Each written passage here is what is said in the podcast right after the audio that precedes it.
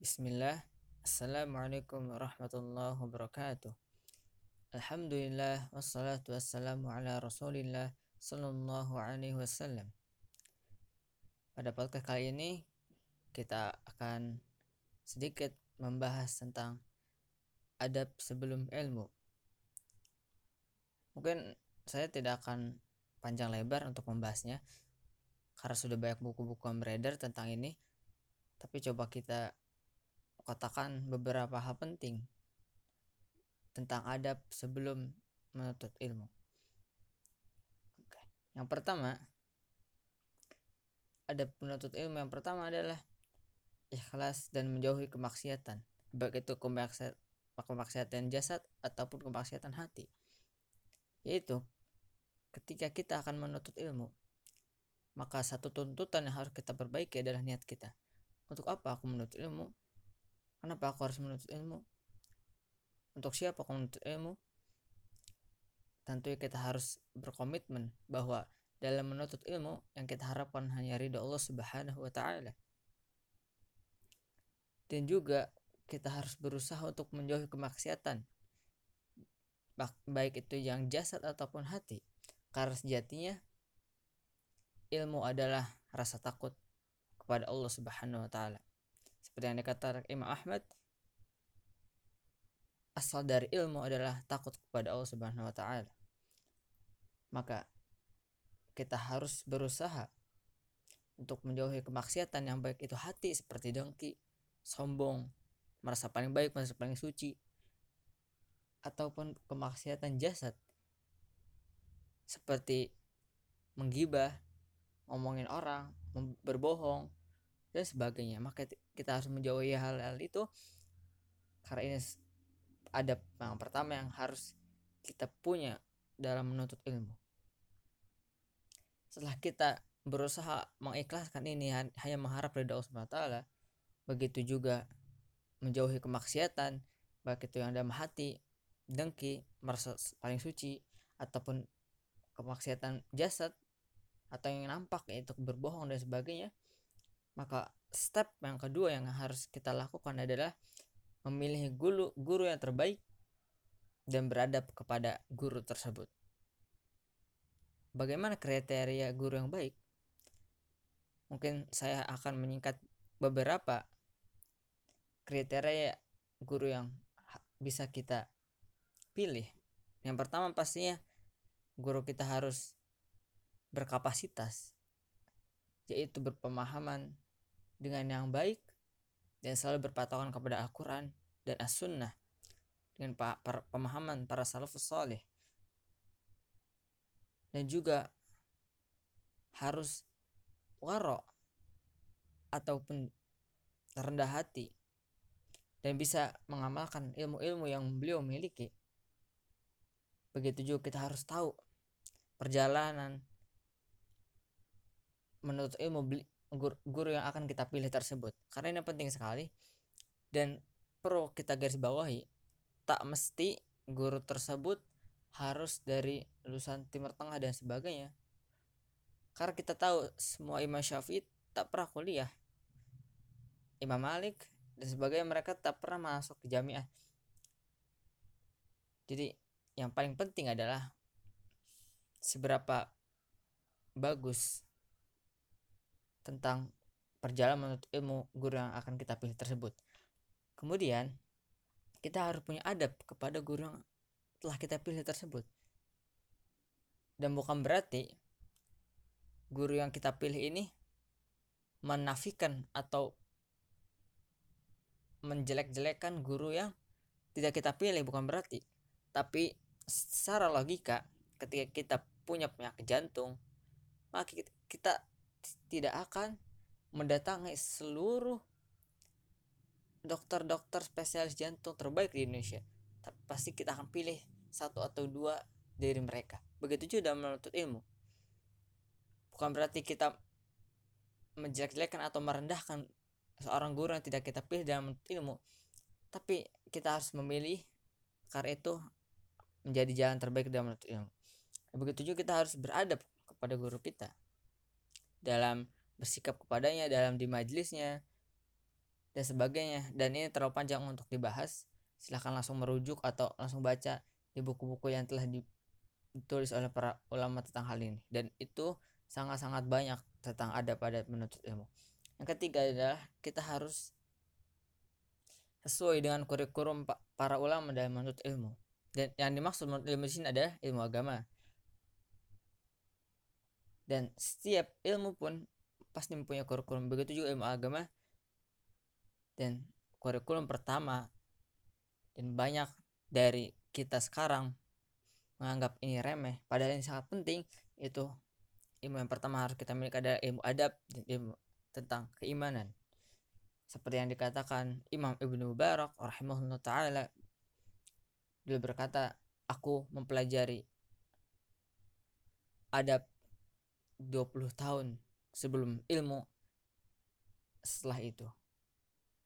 Maka begitu luar biasa mereka meluangkan waktu untuk belajar adab sebelum ilmu. Begitu juga Imam Sufyan Ats-Tsauri berkata aku mempelajari adab sebagaimana aku mempelajari ilmu. Maka kurikulum pertama yang harus kita bangun adalah tentang adab terutama adab kepada Allah Subhanahu wa taala. Bagaimana kita selalu menggantungkan segalanya kepada Allah Subhanahu wa taala.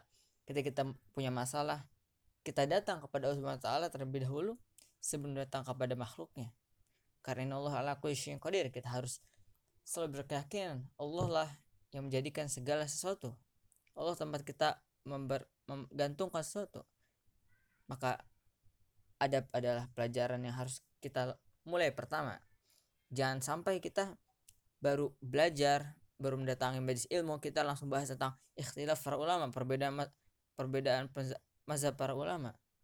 Ini sangat-sangat disayangkan. Ibaratkan kita belajar matematika kita langsung loncat ke pelajaran Pitagoras apa yang akan kita temui? Kita pusing dan nggak tahu apa-apa. Begitu juga ketika kita langsung loncat ke perbedaan mazhab sih hingga kita bingung. Ustadz ini bilang gini Ustadz ini bilang hukumnya gini Ustadz ini bilang hukumnya gini sehingga kita bingung.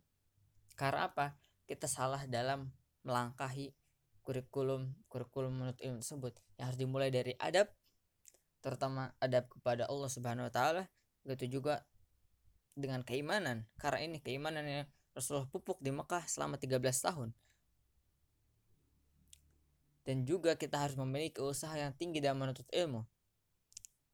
Kita sama-sama tahu bahwasannya seorang sahabat Jabir bin Abdullah radhiyallahu an beliau sampai-sampai untuk mencari satu hadis berjalan selama satu bulan. Bayangkan untuk untuk satu hadis. Maka dengan teknologi yang begitu canggih sekarang seharusnya kita lebih semangat lagi untuk menuntut ilmu meluangkan waktu yang Allah telah berikan kepada kita. Dan kita harus berusaha sebaik-baik mungkin bagaimana kita bisa terus ikhlas dalam menuntut ilmu. Dan yang keempat adalah mengamalkan dan mendakwahkan ilmu yang kita miliki, teman-teman. Karena sejatinya ilmu tanpa amal bagaikan pohon tak berbuah. Bagaikan kita beli sebuah mobil tapi gak pernah dipakai. Apa manfaatnya? Begitu juga ilmu. Ketika kita sudah tahu ini hukumnya haram, ini hukumnya harus dijauhi, ini boleh. Maka kita harus mengamalkan ilmu-ilmu tersebut. Ketika kita sudah tahu bagaimana hukum gibah itu tidak boleh haram. Maka kita menjauh menjauhi majlis masih gibah dan sebagainya. Maka mengamalkan ilmu ada hal yang terpenting.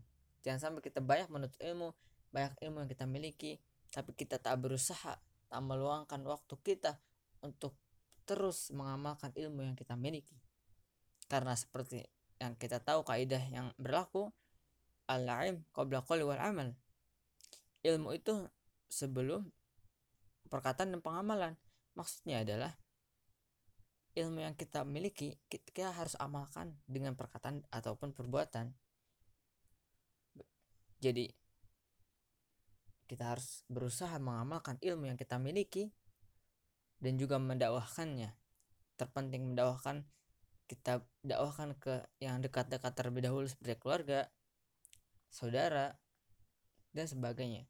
Kita harus tak per, tak perlu kita langsung mem, membuat majelis yang besar di sebuah masjid karena kita apalagi ketika kita masih baru-baru menuntut ilmu maka kita harus mendapatkan ilmu-ilmu ini di keluarga kita di teman-teman terdekat kita saudara-saudara kita agar ilmu ini menjadi lebih berkah.